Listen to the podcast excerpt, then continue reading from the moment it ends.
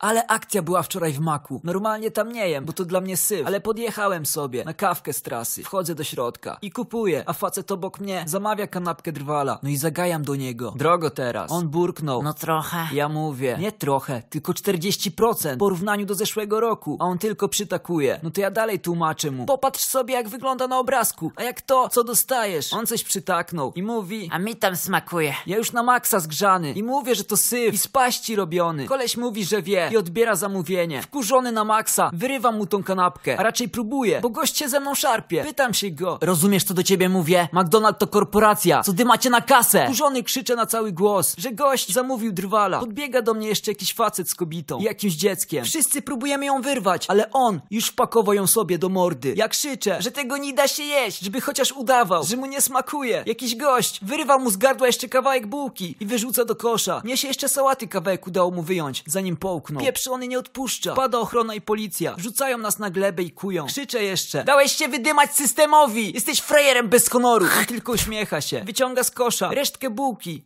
I dojada. Na moich oczach. Mówi mi. Za tydzień też tu wrócę i zamówię to samo. Jak mnie wypuszczą, będę tu na niego czekał. Ja pierdolę, ludzie ogarnijcie się trochę i włączcie myślenie.